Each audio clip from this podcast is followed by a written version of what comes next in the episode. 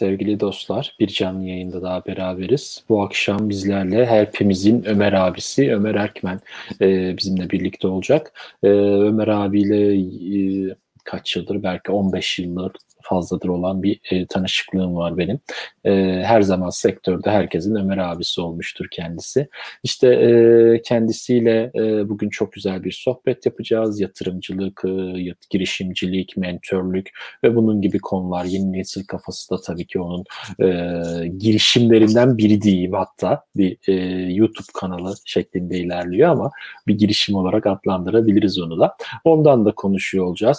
E, yatırımlar, girişim girişimler, bütün bu konularda e, böyle merak ettiğiniz sorular için çok güzel bir soru seti hazırladım. E, gelin hep beraber ilk önce intromuzu döndürelim. Ondan sonra e, Ömer abiyi de yayına alıp e, yayına başlayalım.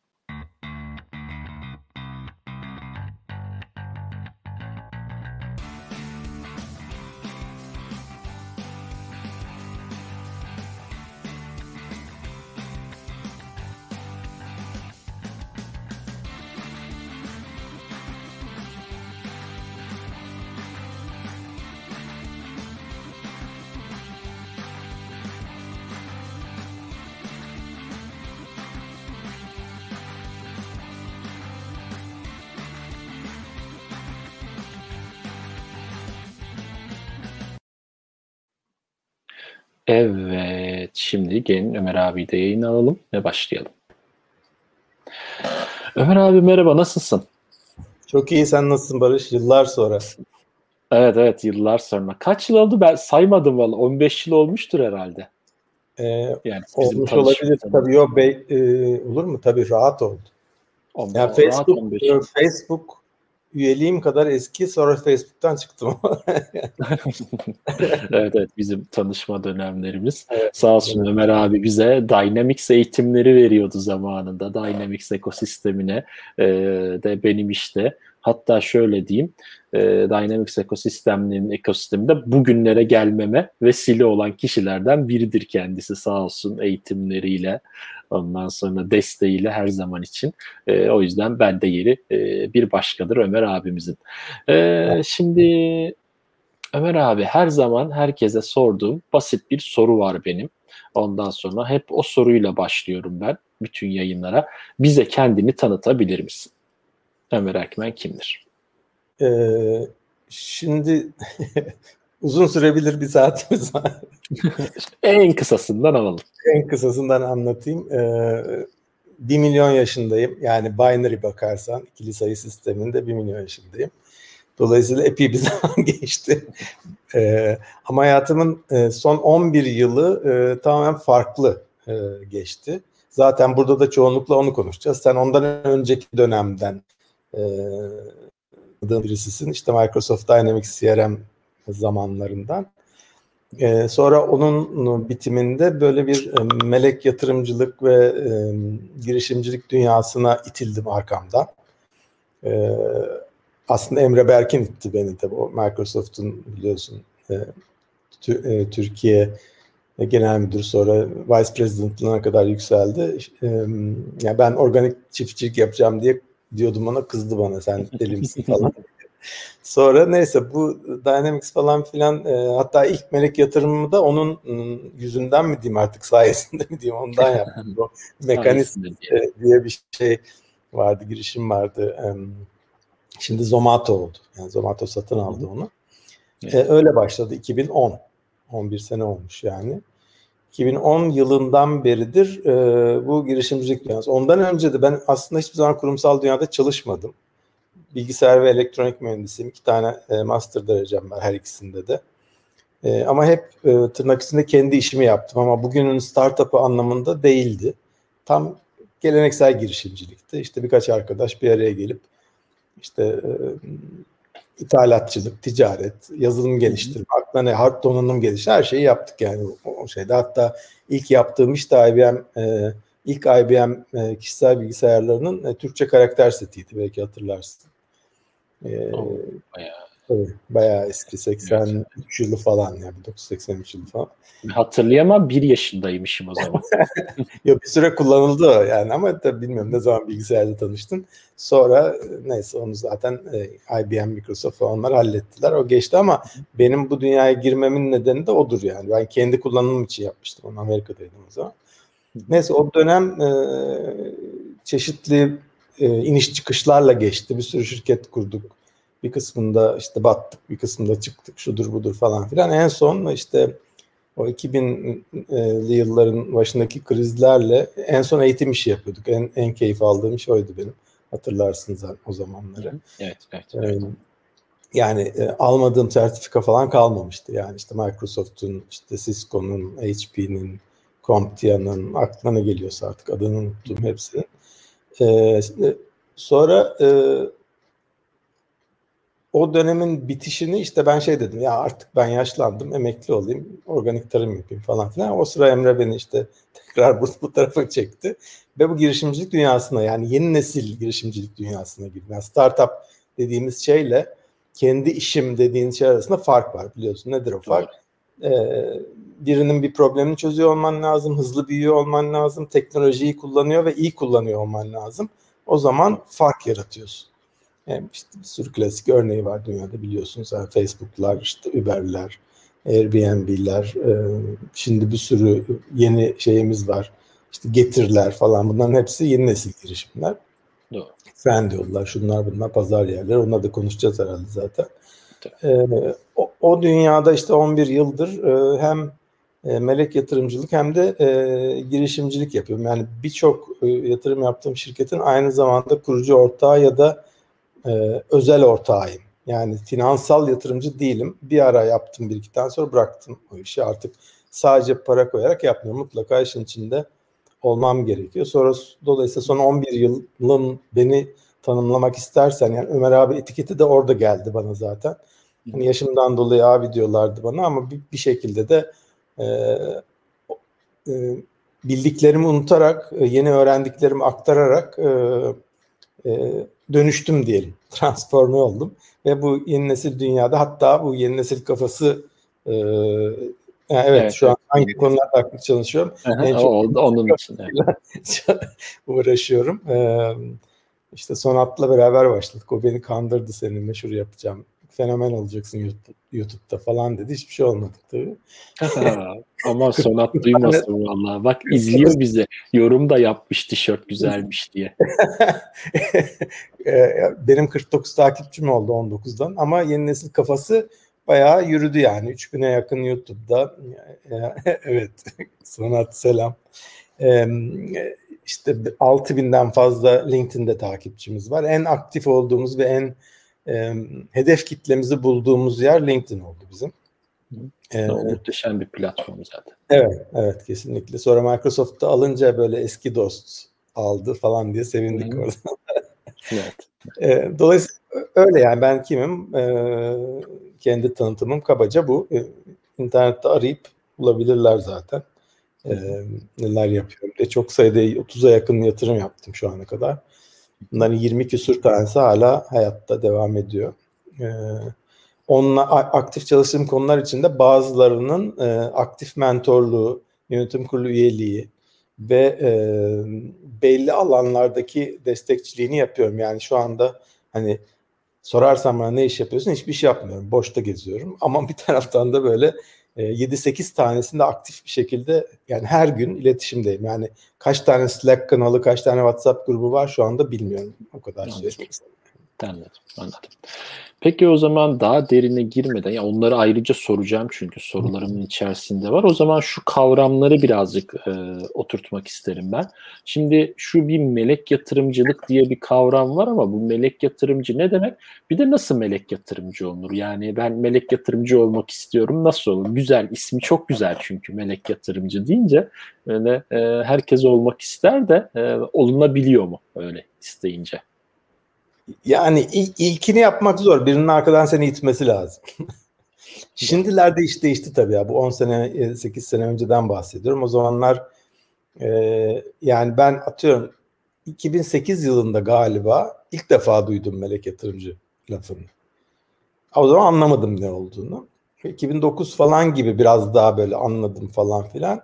Ee, sonra örneklerine bakmaya başladım ve 2010 yılında ilk bir cesaret böyle destek arkadan falan yaptım. Melek yatırımcı şu demek. Kendi parasını, kendi birikimini e, bu yeni nesil girişimlere e, sermaye olarak koyan ama sadece parasal değil aynı zamanda entelektüel sermaye, e, kültürel sermaye, sosyal sermaye. Yani ben sana kimi tanıştırabilirim?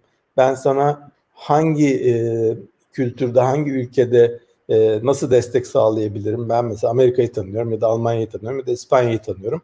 Nasıl destek sağlarım? Orada bu işler böyle yürür, burada bu işler böyle yürür gibi. Buna kültürel sermaye diyoruz. Sosyal sermaye de işte ben Barış'ı tanıyorum İngiltere'de CRM konusunda sana o destek olur deyip e, senle tanıştırıyorum. Benim yani LinkedIn e, bağlantılarım şey çok hızlı gelişti bu dünyaya girdikten sonra. O da doğal olarak gelişti. Çünkü mecra orası yani. Yani şu anda bütün dünyada bu yeni nesil girişimlerin e, iletişim kurduğu ve kurumsal dünyayla da işbirliği ya da e, etkileşim kurduğu e, mecra orası yani. Ne Facebook ne de başka bir yer.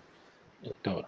Orada ben de en aktif olduğum yerde orası oldu. İşte zaten e, Sonat'la biz onu keşfettik. Uğraştık uğraştık. E, yola çıkış nedenimiz de şuydu. Yani mesela melek yatırımcı deyince bile şimdi sen soruyorsun ya bir sürü insan bilmiyor hala. Biz de ne yaptık? Dedik ya melek yatırımcı ne bilmiyor, VC ne bilmiyor, MVP ne demek, şu ne demek. Bir jargon konuşuyoruz biz ama kimse anlamıyor. Video çekmeye başladık. Yeni nesil kafasının ilk misyonu oydu. Yani yeni nesil kafası videolarla, kısa 2-3 dakikalık videolarla mesela melek yatırımcı ne demek? Melek yatırımcı ağı ne demek? Bu arada yeni nesil kafasını arayıp Google'dan ya da LinkedIn'den e, o videolarımıza ulaşıp onları da izleyebilirler. Çok kısa ve e, bayağı e, bazıları bayağı etki yaptı. E, ses getirdi yani. Çünkü gerçekten bir ihtiyacı karşıladı. Dolayısıyla melek yatırımcı kendi birikimini bu girişimleri, yeni nesil girişimleri e, küçük ortak olarak yani büyük ortak değil, küçük ortak olarak. Ne demek küçük ortak? Yüzde bir, yüzde iki, yüzde üç, beş yani o kadarlık bir hisse alacak kadar e, para yatırıp ve destek olan işte akıllı para falan diyorlar ya demin söylediğim diğer sermaye formlarını katan kişi demek melek yatırımcı. Genellikle kendi başına hareket etmeyen, genellikle melek yatırım ağları dediğimiz e, gruplarla hareket eden e, kişiler. Ve bunların diğer yatırım e, alternatiflerinden temel farkı kendi parasını koyması, fiilen uğraşıyor olması büyük ihtimalle ve de olabildiğince erken bir başkasına satmayı hedeflemesi bu hisseyi. Yani illa işte halka açılmasını beklemesi gerekmemesi lazım. İlla birinin e, bütün şirketi satın almasını beklememesi lazım. Mesela Mekanist'te ben çok şanslıydım. Çok erken satıldı. Erken öğrendim o dünyayı. O da devam etmeme neden oldu. Gaza geldim yani tabiri caizse. Ee, Sonra bir tane daha aynı şekilde oldu. Sonra birkaç tanesi böyle kötü gitti, battı falan filan ama hani belli bir dengeyi kurman lazım. Benim çok sayıda o dönem yatırım yapan melek yatırımcı arkadaşım vazgeçti. Niye? Az sayıda ve ilk denemelerinde kötü giden yatırımlar yüzünden ya dediler bu işte iş yokmuş. Demek ki melek yatırımcı olmak için nasıl olmak lazım? Bir bileninle birlikte gitmen lazım. Bir arkadaşınla ya da bir melek yatırım ağına katılman lazım. Ve artı üstüne üstelik de e, yeterince sayıda 8, 10, 15, 20 neyse mümkün olduğunca fazla yatırım yapman lazım. O zaman melek yatırımcı oluyorsun. Doğru. Yani o zaman melek yatırımcı olmak için burada aslında en önemli kriter sanıyorum burada benim e aldığım en önemli mesaj. Birincisi küçük hissedar olmak, ikincisi de e, yatırımın genişlemesine yardımcı olmak, e, mentörlük yaparak ya da bir şekilde e, yatırımı ilerletmek için. Aslında tam mentörlük demişken o zaman şu kavramı da bir ortaya koyalım. Girişimci mentörü tam olarak hani bunun neresine oturuyor melek yatırımcıda yani e, orada Tamam anladım. Yatırımcı, melek yatırımcı olarak siz başka yatırımcılar bularak şirketin büyümesini sağlıyorsunuz. Peki bu mentörlük benim anladığım bana şöyle geliyor. İçerideki şirketteki yazılımcıları ya da diğer kişileri de aynı zamanda bir şekilde psikolojik olarak da hazırlamak bazı şeylere gibi geliyor. Doğru mu algılıyorum? Kesinlikle. Kesinlikle. Şimdi şöyle başlayayım. E, mentor lafı e,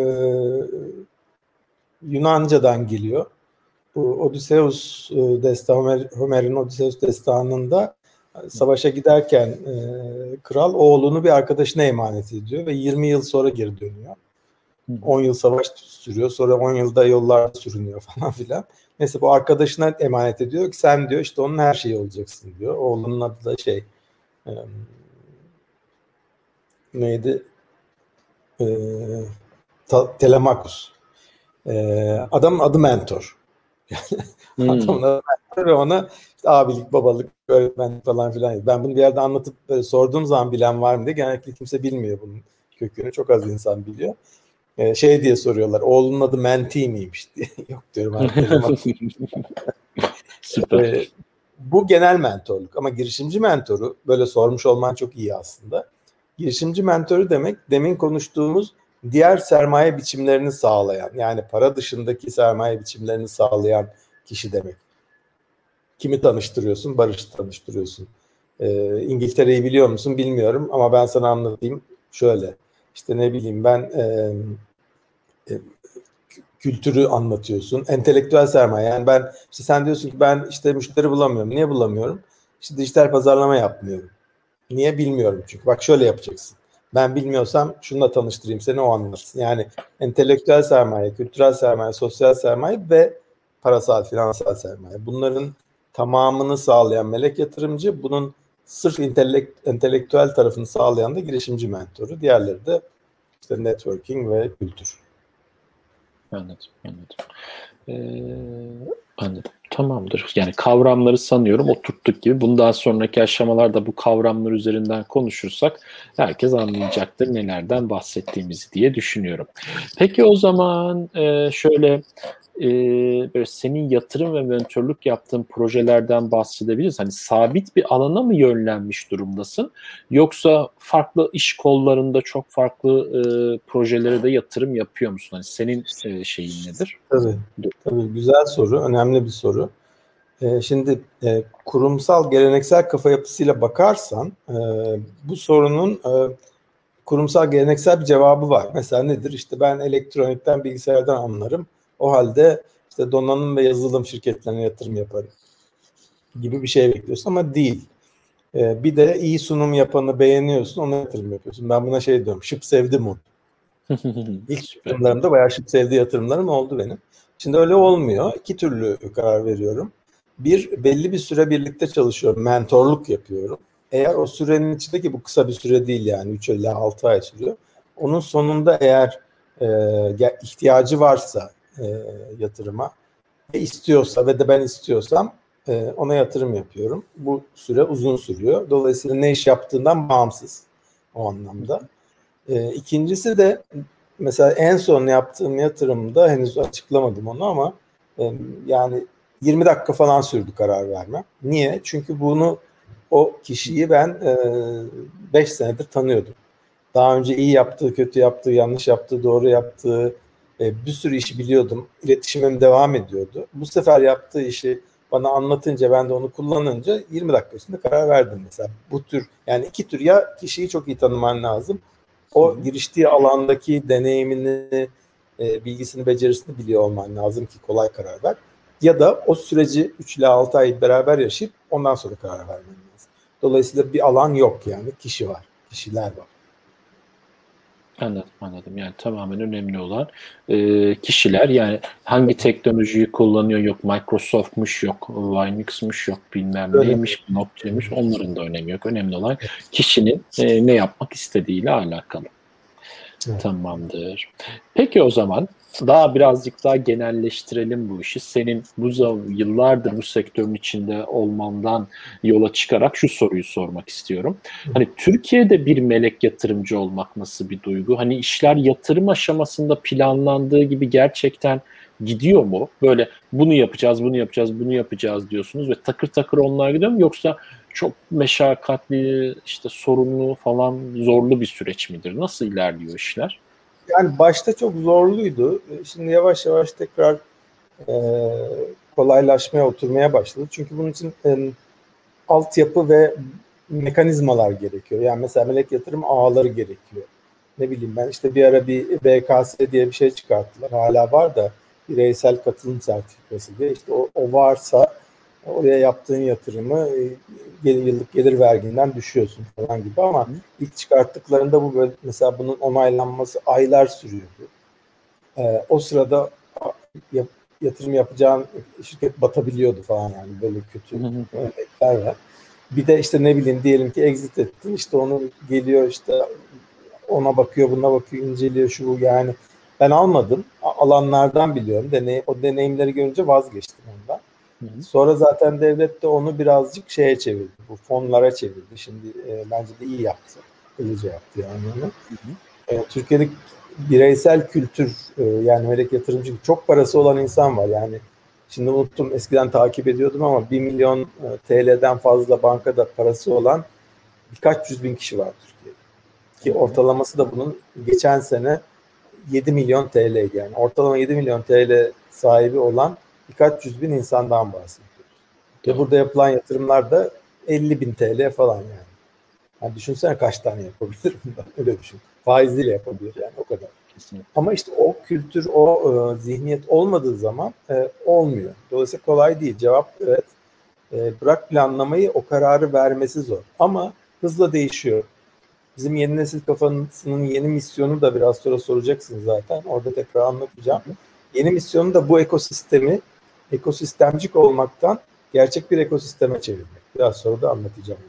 Anladım. Neden düşündüğümüzde nasıl yapmaya çalıştığımız. Tamamdır. Süper. Süper.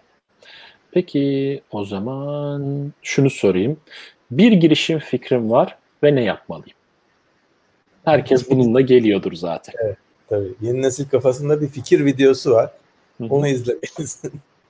İlk bu başlangıç noktam orası olmalı. Evet, evet. Fikrin bir önemi yok çünkü fikir e, eğer patentlenebilir ya da böyle herhangi bir hukuki şekilde korunabilir değilse işte e, faydalı modeldi şuydu buydu e, bir işe yaramıyor. Çünkü onu birisi bırak anlatmayı birisi sen yapmaya başladığında görüp senden daha hızlı yapabiliyor. Dolayısıyla burada icraat önemli, execution önemli. Yani bir fikrin ne kadar hızlı e, ve iyi e, icra edildiği önemli. Dolayısıyla fikir aslında biz onu şeye çevirdik yeni nesil kafasında. Kimin hangi problemini çözüyorsun sorusuna çevirdik.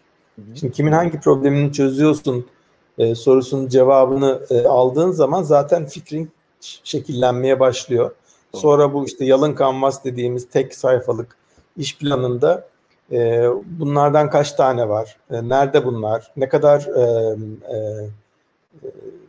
nasıl ulaşabilirsin? Bir tane ulaşmanın e, şeyine, e, maliyetine, birini müşteri yaptığın zaman onun sana hayatı boyunca getireceği para e, gelir ne kadar falan gibi soruları cevaplamak gerekiyor. Dolayısıyla fikir sadece işin başlangıcı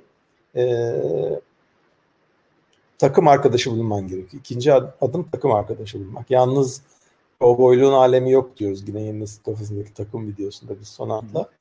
E, orada bu takımın e, nasıl oluşacağı, aradaki anlaşmaların ne olacağı vesaire gibi şeyleri de e, düşünmek ve baştan konuşmak gerekiyor. E, onları da e, cumartesi günleri saat 2'de Clubhouse'da e, girişimcilikte konuşulmayanlar diye bir şeyimiz. Odamız ve kulübümüz. Orada konuşuyoruz. O konuşurken de gerçekten yaşanmış hikayeleri anlattırıyoruz. Onlara da işte yorum yapmaya çalışıyoruz e, şeyle Ali Karabey ile ve e, Sure ile beraber. E, dolayısıyla o öyle bir e, yolculuğun sadece başı yani fikrim var, okey var e, ama bir değeri yok. Önce gel bana hangi takımla kimin hangi problemini çözdüğünü söyle. Sonra ikinci sorumuzda genellikle kaç oldu? Kaç oldu deyince ben yani nasıl ne kaç oldu falan diyorlar. Ben diyorum ki neyi sayıyorsan o kaç oldu. Mesela sen kaç video, e, kaç tane canlı yayın yaptığını e, sayıyor olabilirsin. Hemen onun sayısını söylersin. E, işte biz ne bileyim kaç tane startup aldık yeni nesil kafasına onu sayıyoruz, onu söylüyoruz. Ya da bir başka bir girişim kaç tane download getirdi uygulaması onu sayıyor olabilir. Veya ne kadar ciro yapıyor onu sayıyor olabilir vesaire. Dolayısıyla girişim fikrim var ne yapmalıyımın böyle bir nasıl derler bir cümle ya da bir fotoğraf gibi cevabı yok. Uzun bir e, hikaye e, ve bir video gibi bir cevabı olacak olacaktır. Anladım, anladım. Peki böyle elevator pitch falan gibi böyle bir takım hani e, şeyler var. E, böyle girişimini hemen e, bir dakika ya da üç dakika içinde anlatabilmen lazım. Karşı tarafı etkileyebilmen lazım falan gibi kavramlar var. Yani o tarz kavramlara, şeylere girmek gerekiyor mu daha hemen ilk girişim fikrim tabii. var dediğimizde? Tabii tabii şöyle ki şimdi o e, yatırımcıların beklentisi. Yani sen bir yatırımcıyı asansörde yakaladın. Bir dakika içinde fikrini anlatacaksın, ilgisini çekersen zaten gel anlat devamını bana diyecek. Bir dakikada anlattığında olmayacak. Sadece ilgi çekmek için. O şey gibi. Ee, nasıl derler? Fragmanları gibi film. Anladın mı? Hı hı. E, trailer gibi öyle düşün. E, evet önemli. Onu öyle ifade edebilmiyor, edebiliyor olman önemli ama o işin sadece ilgi çekme e, kısmı. Evet. Kesinlikle kesinlikle. Ya ondan sonra zaten port analizleri bilmem ne falan filan derken öyle yoktu trisigmalar falan ortalık karışıyor daha sonra kağıt üzerinde diye düşünüyorum. Kesinlikle öyle. Ee, peki bakalım. O zaman şu soruyu sorayım. Yani her girişim fikri için ilk önce şirket kurmak mı gerekir? Yani e, bunun Hayır. milestone'ları nasıl olmalı adımları? E, şöyle bu da önemli bir soru aslında. E, şirket kurmak gerekmiyor. Çünkü mesela Türkiye özellikle şirket kurmak için çok kolay bir ülke ama kapatmak için öyle değil. Kesinlikle. Onun için illa şirket kurulacaksa e, hangi ülkede kurulması gerektiği e, önemli bir soru. Ama bundan önce kimin hangi problemini çözüyorsun da bu o kimler nerede bulunuyor ona bakmak lazım. Yani bunlar Amerika'da mı, Hindistan'da mı, Kore'de mi, Japonya'da mı, nerede, Avrupa'da mı, e, Almanya'da mı? Ona göre e, belki şirketi Estonya'da kurman gerekecek. Belki şirketi İngiltere'de, belki Amerika'da kurman gerekecek. Bir de nereden yatırım alacağına göre de. Mesela e, Amerikan VC'lerinden yatırım alacaksan Amerika'da kurman gerekiyor şirketi. Avrupa'da iş yapacaksan İngiltere'de kurman gerekiyor veya Estonya'da kurman gerekiyor. Şimdilerde Avrupa Birliği için Estonya daha uygun ama İngiltere bütün dünya için daha iyi. Ya da belli bir büyüklüğe gelmiş şirketin Hollanda'da kurulması lazım. Çünkü Hollanda daha nasıl derler güvenilen ve bu şirket yapılarının daha kolay organize edildiği işte vergi optimizasyonu yapılan bir ülke. Ama mesela ne bileyim şans oyunlarıyla ilgili iş yapıyorsan Malta'da kurman Doğru. Ne bileyim fintech yapıyorsan Singapur'da kurman lazım ya da Estonya'da. Yani ne iş yaptığına göre nerede kuracağına karar verip ondan sonra kurman lazım. Ama önceki adım daima bu kimin hangi problemini çözüyorsunun örnek hedef kitlesine gidip onların problemini çözüyor musun? Onlar senin ürününü, çözümünü kullanıyor mu ona bakmak gerekiyor. Şirket çünkü eskiden şirket kurmak gerekiyordu evet. İşte ofis tutman gerekiyordu, işte çaycı alman gerekiyordu falan. Artık hiçbiri gerekmiyor. Hele şimdi Covid ile evden kurabiliyorsun şirketi. Hiçbir yere evet. gitmen gerekmiyor bunun için. Yani. Banka hesabı da açıyorsun. Her şey çok kolay ve dijital yani her şey. Kesinlikle, kesinlikle. Kesinlikle. Peki o zaman gelen sorulardan hatta bir tane soruyu dikkatimi çekti. Hemen ona bir bakalım. E, merhaba, blockchain teknolojileri konusunda projelerde kendisi var mı? İlgilerini çekiyor mu? diye bir var sorumuz var. Güzel soru. Blockchain bence artık ilgilenilmesi bence şart olan bir alan. Ee, benim bir yatırımım var o konuda. Bu 1 lira diye e, 1 lira.co e, stabil e, blockchain teknolojisi bu. Stabil ne demek? E, fiyatı inip çıkmıyor. Yani 1 lira e, TRYB diye geçiyor. 1 TL'ye eşit. Yani sen bir 1 lira e, satın aldığın zaman 1 liranın e, sitesinden o gerçekten bir TL işte yani Bitcoin gibi ya da Ethereum gibi bugün işte 40 bin yarın 60 bin öbür gün tekrar 10 bin olmuyor. Evet, para biriminin tamam. endeksli olan. İşte trendine girdi ama yani ben şeyi hatırlıyorum yani 3 bin iken alıp işte 5 bin e, olunca vay çok kazandık hadi 10 bin oldu uf süper 19 bin oldu zengin olduk sonra bir anda tekrar 3 bine düşünce battık deyip zararına satanlar da oldu. Öyle bir şey değil. Stablecoin tamamen yine aynı teknolojiyi kullanıyor. Blockchain kullanıyor. Ve e, güveni, trust'ı e, bir e, kuruma ya da kişiye bağlamıyor. Bütün sistemi e, yansıtıyor. Onun için blockchain'in çok önemli olduğunu düşünüyorum. Hatta biz yeni nesil kafasında şöyle bir şey yapıyoruz. E, e, bize e, kurumsal şirketlere destek vermeye başladık burada mentorluk vesaire gibi. Orada bizdeki startupları tanıştırıyoruz. Onlara işte mentorluk e, için e, kobay olmalarını sağlıyoruz. O kobaylara da e, e, onlardan aldığımız parayı dağıtıyoruz. Dağıtırken de 1 lirayla ödüyoruz bunu. Neden böyle yapıyoruz? Çünkü orada ödediğimiz şey transparent olarak, saydam olarak takip edilebilir bir şey. Yani Etherscan dediğimiz sistemin içinde ben kime ne kadar 1 lira yollamışım görülebiliyor. Hatta bir adım daha öteri götürdük onu. O parayı onlara verdiğimizde diyoruz ki bunun bir kısmını genellikle yüzde onunu ya da duruma göre bazen hepsini koyup veriyorlar. Öyle şeyler de oluyor. Ee, yine aynı şekilde uçurtma projesi diye bir şey var. Üniversite öğrencilerine bağışlıyorlar. Böylece tamamen izlenebilir blockchain altyapısını kullanan e, iki tane hatta üç tane yani bir lira artı uçurtma projesi artı yeni nesil kafası diyebilirim. Yakından ilgileniyorum. Evet cevap evet. Çok ilgimi çekiyor yani. Oh, süper süper o zaman. O zaman Ömer abiye ulaşıyorsunuz böyle projeleriniz varsa diyelim değil mi? Yani. Evet. Aynen öyle. Şimdi bir de şeyler vardı. Başarısızlık hikayeleri vardır ya hani girişimcilik gelince e, konusu gelince en çok aklıma gelen konulardan biri budur. Yani doğru girişimi bulmak için herkes şunu söyler. 2-3 kere battım yok dördüncüde işte süper oldu yok 10 kere battım 11. de harika oldu. Yani bu başarısızlık hikayeleri gerçekten hani abartı mı bunlar e, çok mu büyütülüyor? Zaten bunlar küçücük ve batmaya muteber şeylerdi de hani battı diye biz mi çok abartıyoruz? Ha, olayın iç yüzü nedir bu sektörün içinde olan biri olarak sana sormak isterim. Güzel soru. Ee, tam tersi. Bizde Türkiye'de e, özellikle e, başarılar abartılıyor, makyajlanıyor. Olduğundan daha parlak gösteriliyor. Mesela yatırım haberleri biliyorsun değerleme bildirilir. Alınan para bildirilmez. Çünkü Tabii. değerleme daha büyüktür. Daha çok akılda kalır. Başarısızlık hikayeleri ise kültürel nedenler, nedenlerle bizde anlatılmıyor. Saklanıyor, gizleniyor. Ee, şeydir hani karnende kırık varsa ailenden saklarsın. Sınıfta kalınca ailen komşulardan saklar falan ya eski. Benim zamanımda öyleydi en azından. Şimdi değişti tabii biraz ama yani o, o nedenle bizde başarısızlık kültürü yok. Ama yavaş yavaş o da geliyor ve başarısızlık hikayeleri anlatılmaya başladı. Bu Fuck Up Nights diye bir Meksika e, şeyli bir girişim var. Ben de epey bir süredir İstanbul sponsorluğunu yapıyorum onun. Orada işte bu Covid öncesinde e, buluşup genellikle kolektif house'ta e, her gece üç kişi çıkıp anlatıyordu başarısızlık hikayelerini. Ama genellikle orada çıkanların şimdiye kadar bir tanesi hariç sonradan başarılı olmuş kişilerdi. Ve dediğin gibi aslında eski başarısızlıklarını abartarak anlatıyorlardı. Ama yani gerçek başarısızlık hikayelerinin çoğu anlatılmıyor Türkiye'de. Onun cevabı o. Yoksa 2-3 kere batman gerekmiyor. E, şanslıysan bir seferde de e, e, jack, jackpot yakalıyorsun. 3 tane 7 geliyor yani.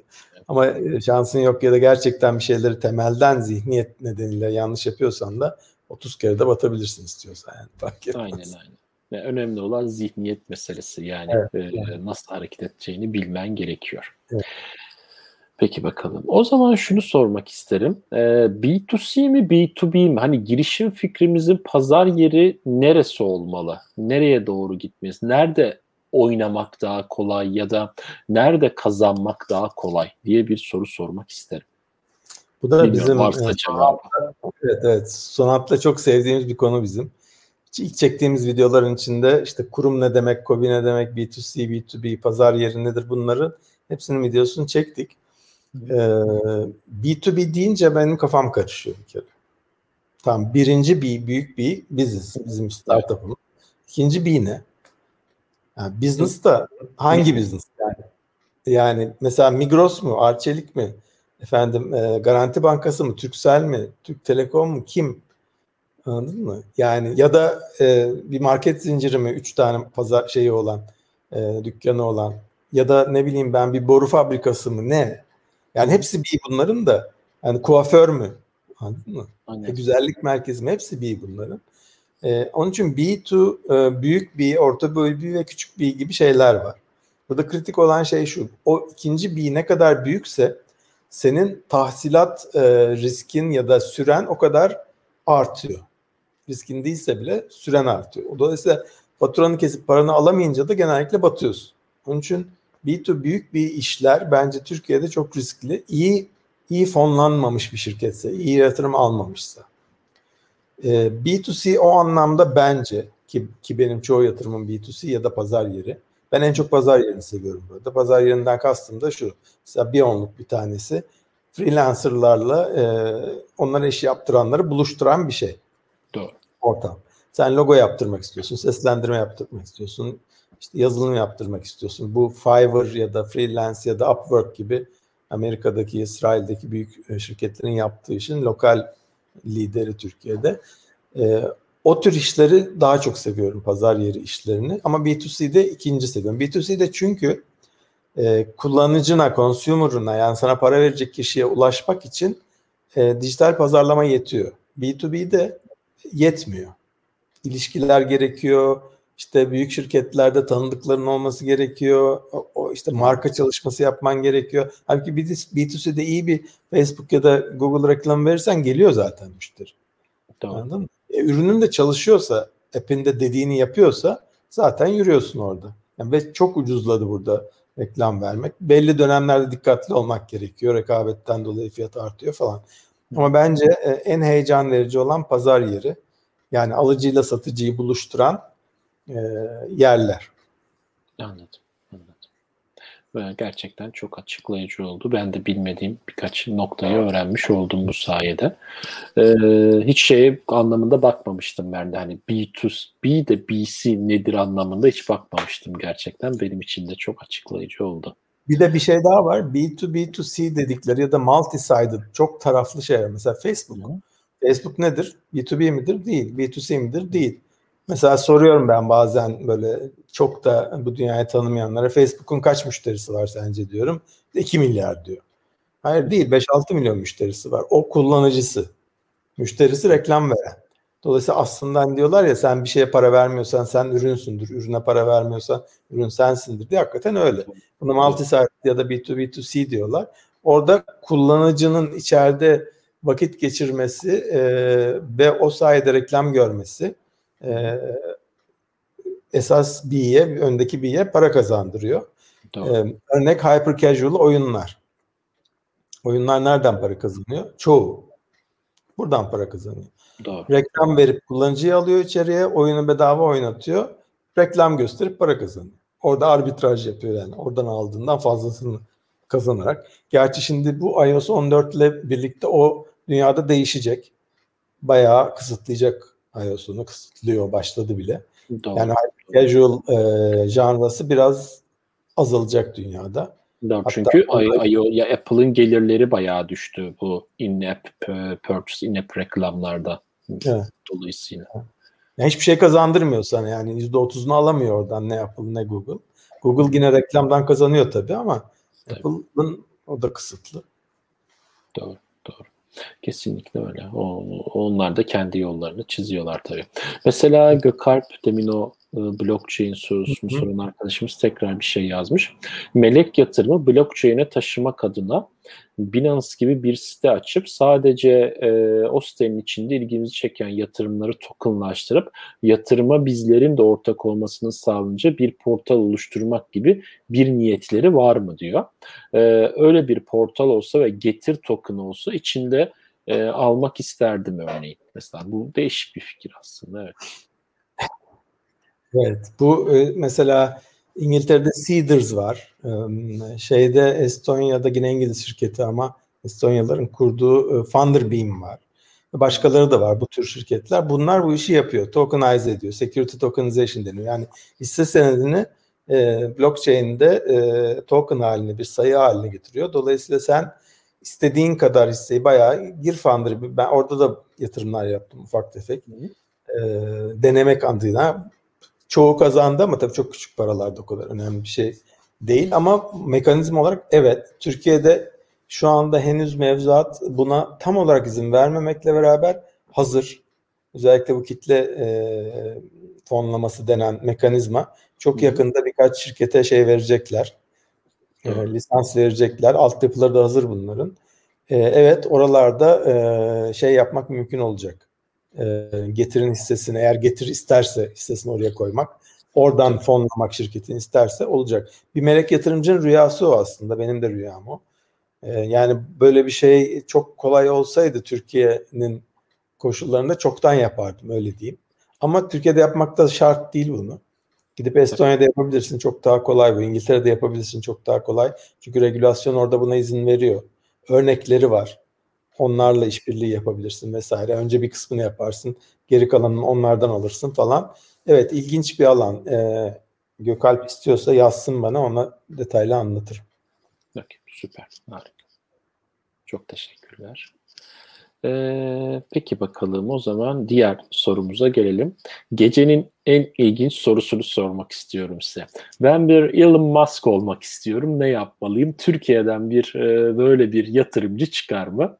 E, Elon Musk, Elon Musk herhalde Türkiye'de olsaydı inşaatçı ya da kebapçı falan olurdu diye e, düşünceleri var. Bilmiyorum. E, abi senin yorumun nedir bu konuya? Donat hala izliyorsa yazsın oraya. Ee, biz bundan bir seneden biraz daha fazla önce e, ikinci nesil hatta üçüncü nesil videolarımızı çekmeye başladığımızda yeni, yeni nesil kafasında Türkiye'den Elon, Elon Musk çıkar mı diye video çektik. Yine yeni nesil kafasında baksınlar, izlesinler. Direkt tam bunun cevabı. Yani 3 dakika falan sürüyor. İzlesinler. Ben özet vereceğim burada yine de. Türkiye'den e, Elon Musk çıkmaz. Çünkü coğrafya kaderdir. Ama Elon Musk çıkması da gerekmiyor. Tamam mı? Niye? Çünkü o da önemli. Sen, evet sen eğer bir yeterince kalabalık bir kitlenin yeterince önemli bir sorununu çözüyorsa bir startup olarak zaten kendi Elon Musk'ın oluyorsun. Başkası olma kendin ol diye orada da hatta gönderme yaptık Tarkan'ın şarkısına. İzleyin o video çok komik gerçekten. Yani bazen ben videoları izleyince böyle çok utanıyorum. Allah'ım diyorum lan neler demişim ben bugün. bazen de acayip hoşuma gidiyor ya diyorum ne kadar komikmiş bunlar diyor. O Elon Musk videosu öyle gerçekten. Çıkmasına gerek yok. Yani coğrafya kadar olduğu için çıkmaz ama çıkmasına da gerek yok. Anladım. Yani e, e doğru bizim de çıkan yatırımlarımızda yatırımcılarımız o işte e, hiçbiri hani bir Elon Musk olmadılar ama en azından bu coğrafyanın içerisinde gayet yeterli bir popülariteye de sahipler. Başka yatırımları da fonlayabiliyorlar. Yani coğrafya içerisinde yapılması gereken bütün aksiyonları yapacak kadar bir getirileri var sonuçta. Bu arada Elon Musk sadece yatırımcı değil, önce girişimci. Doğru. Yani Güney Afrikalı kendisi. Sonra Kanada'ya gidiyor. Kanada vatandaşı oluyor. Bir sürü girişim denemesi falan filan var. Esas PayPal'dan tabii büyük e, tabii, exit yapıyor. 170 milyon dolar. İlginç yapan Elon Musk o paranın tamamını tekrar şeye yatırıyor. Yeni evet. girişimlere yatırıyor. İşte SpaceX'ler, Tesla'lar, şunlar bunlar. Mesela Tesla onun kurduğu bir şirket değil. Satın aldığı bir şirket. Evet, tabii. Yani hep, zaten o, SpaceX falan da bildiğim kadarıyla. Evet, evet, evet. Yani o bir girişimci aslında. Hala girişimci ama tabii yeterince paran olunca hem girişimci hem yatırımcı olabiliyorsun. Çünkü o bir zihniyet. Yani öbür türlü git abi Tesla'nın hissesini al, Bitcoin al, bekle, sat, kazan. Yani o başka bir şey, o başka bir dünya. O finansal makine olarak görüp paradan para kazanma dünyası. Halbuki yatırımcı dediğin zaman, sadece yatırımcı dediğin zaman, halbuki Elon Musk gibi birisi hem girişimci hem yatırımcı yani. Doğru, doğru. Kesinlikle öyle. Bakalım. Ah güzel bir tane soru da geldi Ramazan'dan. Ee, sevgili Ramazan. Ah sen de bizi dinliyorsun. Benim arkadaşımdır kendisi e, liseden. Ee, merhaba. Kurum içi girişimcilik konusunda ne düşünüyorsunuz? Türkiye'de ve dünyada başarılı örnekleri var mı? Teşekkürler. Şimdi bu da bizim yine Sonat'la bayıldığımız bir konu. Hatta şöyle bir laf var. Bu şey Doğan Taşkent var. O, o um, teknoparkların falan çok iyi tanıdığı e, bir kişi. O şey diyor. Kurum içi girişimcilik oksimorondur diyor. Oksimoron ne demek? E, tezat, paradoks, çelişki. Yani girişimcilikle kurum çelişen bir şey. Olmaz yani. Tamam mı? Ha olabilir ama e, bir sürü kural var uyulması gereken. Bir kere o girişimin kurum dışında yapılması lazım.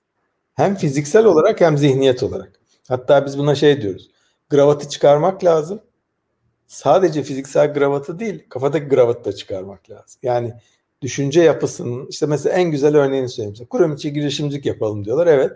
ayırıyor mesela atıyorum 1 milyon lira ayırıyor bu işe. İşte birkaç şirkete yatırıyor. Sonra bunlar batınca İşte şeyde şey zamanı, bilanço zamanı gelince bakıyorlar, aa zarar ettik bu işten deyip vazgeçiyorlar mesela. Yani P&L dediğimiz gelir gider tablosunda bilançoda bunun yeri olmaması lazım. Şey gibi düşünmesi lazım. Bunu bir sosyal sorumluluk, bir bağış gibi düşünüp sonuçlarının ne olduğuna sonra bakmak lazım. Çünkü bir girişimin geri dönüşü en iyi ihtimalle 3 ila 5 yıl. Tipik olarak 8 yıl. Yani 8 yıl bekleyemez. Bir bilanço döneminden öbür bilanço dönemine aktaramıyor kurumlar oradaki şeyi, e, finansal hareketleri. Onun için bence mümkün değil. Ha yapanlar yok mu? Var. Çok az. Daha çok şunu yapıyorlar. CVC dediğimiz e, şey kuruyorlar. Hmm. Corporate Venture Capital şirketleri kuruyorlar. Ve kendi işlerinin civarındaki e, işlere yatırım yapıyorlar. O daha mantıklı kurum içi girişimcilikten. Kurum içi girişimciliğin çok az iyi örneği var maalesef. Ee, ve bu nedenle var. Yani onlar yanlış yaptığı için değil, e, zihniyet buna uymadığı için. Anladım. anladım. Peki bakalım. O zaman ben de böyle geldim son soruma yavaş yavaş işte bugünün de son sorusuna geldik. Bakalım nedir o? Yeni nesil kafası fikri nasıl ortaya çıktı? Yani konuştuk yeni nesil kafasından ama şeyi konuşmadık. Hani fikir evet, nasıl ortaya evet. çıktı? Onu konuşmadık. Bir okay. de hani girişimci ekosisteminde kaybolanların yeni yol göstericisi olacak mı? Yani amaç bu mu yoksa e, farklı bir yola doğru gidecek mi yeni nesil? Çok severek anlattığım bir konu benim bu. Severek yaptığım da bir şey. Yani en çok neyle uğraşıyorsun dersen en çok ben bununla uğraşıyorum. Yani zihin olarak öyle diyeyim sana. Ee, yani hem zaman harcıyorum hem para harcıyorum hem e, katkıda bulunuyorum hem kazandığımız parayı dağıtıyoruz e, şey olarak yani kendimize almıyoruz. Niye? Çünkü misyon şu bizim için yani kaybolanlara yol göstermek değil ama yaptığımız işler sonuçta kaybolanlara yol gösterecek. Nedir o? Bir defa ortak dil gerekiyor. Yani şimdi bile bir sürü insan anlamadı burada benim söylediklerimi çünkü tanımlamadan kullandım olabildiğince tanımlamaya çalışıyorum ama çoğu zaman unutuyorum yani. Biz bunu fark ettiğimizde e, jargon konuşuyoruz, anlaşılamıyoruz dediğimizde nasıl yapacağız deyip videoları çekmeye başladık. Yani yeni nesil kafası fikri e, bu yeni nesil girişimcilik dünyasındaki jargonu girmek isteyenlerin anlamaması, anlayamaması ve bizim de o dili konuşup çok da umursamamamızdan geliyor. Hala bu eğilim var yani hala çok umursamıyoruz. Yani biz biraz daha böyle hani değiştirmeye çalışıyoruz kendimizi ama çok kolay bir şey değil bu. Şey gibi yani hani konuştuğun dili düşünürsen yavaş konuşmaya başlıyorsun, anlatamıyorsun falan filan. Doğru. Ama gene de ana fikir o. Yani yeni nesil kafası bu girişimcilik dünyasında konuşulan dili başka alanlarda olan yeni nesil olmayan geleneksel olanlara anlatabilmek için yola çıktı. Ekosistemdeki rolü de şu, ekosistemi geliştirmek. Ben uzun zamandır ve hala Türkiye'de girişimcilik ekosistemi değil ekosistemci olduğunu iddia ediyorum. Cik yani küçük, minik. Ne demek bu? Bir ekosistemi büyük yapan ya da gelişmiş yapan nedir? Ee, oyuncularıdır. Kim oyuncuları bunun? Girişimciler, girişimler, e, yatırımcılar, melek yatırımcılar, melek yatırım ağları, VC'ler yani başkasının parasıyla yatırım yapanlar, e, hızlandırıcılar, Mesela ben bir hızlandırıcının e, kurucularından sayılırım. Sanal bir hızlandırıcı bu. E, ayrıca yarın akşam da yine Clubhouse'da kurumsal hızlandırıcılar işe yarıyor mu diye bir konuşma yapacağız. Engin Utkan ve Serdar Uçar'la. Oraya da reklam vermiş olayım diyor onun reklamını. Hızlandırıcılar. Bunlar e, ekosistemin aktörleri, oyuncuları. Şimdi bir bunların sayısının artması lazım. Tamam Doğru. Doğru. Yetmez. Bunların arasındaki etkileşimin de artması lazım. Ne demek etkileşim? Mesela bu böyle bir canlı yayın ya da video çekip koymak ya da e, yatırımcıya sunum yapmak, mentorluk yapmak, mentorluk almak, yatırım yapmak, yatırım almak. E, bütün bunlar e, ortak yatırım yapmak. Bütün bunlar etkileşimin e, örnekleri. Bunlar arttıkça ki bunların e, oyuncu sayısına göre eksponansiyel artması lazım. Yani 10 oyuncu varken 100 e, etkileşim varsa 100 oyuncu olunca 1000 olmaması lazım. 10 bin olması lazım gibi. E, dolayısıyla burada bizim yeni nesil kafası olarak e, hedefimiz fikir dili anlatmak, anlamaktan başlamakla birlikte ekosistemin gelişmesine, sağlıklı büyümesine destek olmak. Bunu yaparken de e, daha çok startuplara destek olmak ama sadece onlara değil kurumlara da destek olmak ve kurumların e, kaynağı olduğu için o kaynağı alıp e, Robin Hood gibi ama zorla değil isteyerek e, startuplara aktarmak. Süper. Gerçekten çok önemli bir e, misyonu var bu yeni nesil kafasının bu durumda. Umarım e, başarılı olursunuz. Umarım bu ekosistemde böyle yapmak istediğiniz her şeye e, yapabilirsiniz, sahip olursunuz e, derim demek isterim. E, yani sanıyorum yayının da sonuna geldik. E, sorusu olan varsa soru alabilirim. Eğer soru yoksa yayını yavaş yavaş böyle hani e, kapatmak isterim. Bakalım. Teşekkürler beni davet ettiğin için. Bu kadar yıldan sonra görüşmüş olduğum için de çok mutluyum gerçekten. Evet evet ben de öyle. Çok sağ ol abi. Kırmadın beni de. Rica ederim ne demek. Valla tamam o zaman sanıyorum yayını kapatabiliriz. Şu anda bir e, soru gelmedi. Artık soru gelirse de e, ayrıca bana ve Ömer abiye yazabilirsiniz. Zaten Yazabilirsiniz. Her zaman e, buralardayız. Peki Ömer abi çok teşekkürler. E, bu akşam geldin. E, konuk oldun. Çok güzel vakit geçirdik seninle. Eski günlerde olduğu gibi. Hatta şeyi bile hatırlıyorum. Bursa'ya falan böyle gidiş, gidişimiz vardı. Mekle falan oynuyorduk arabada falan. Öyle Evet. günlerimiz olmuştu. Ee, çok da eğleniyorduk zamanında. Ee, umarım tekrar İstanbul'a gelirsen ben, sen Londra'ya gelirsen tekrar e, görüşürüz. Tekrar Covid bir- belası geçsin de görüşelim. Aynen, aynen. Doğru diyorsun. Doğru diyorsun. Peki o zaman görüşmek üzere. Hepinize kendinize iyi bakın. Evet hoşçakalın.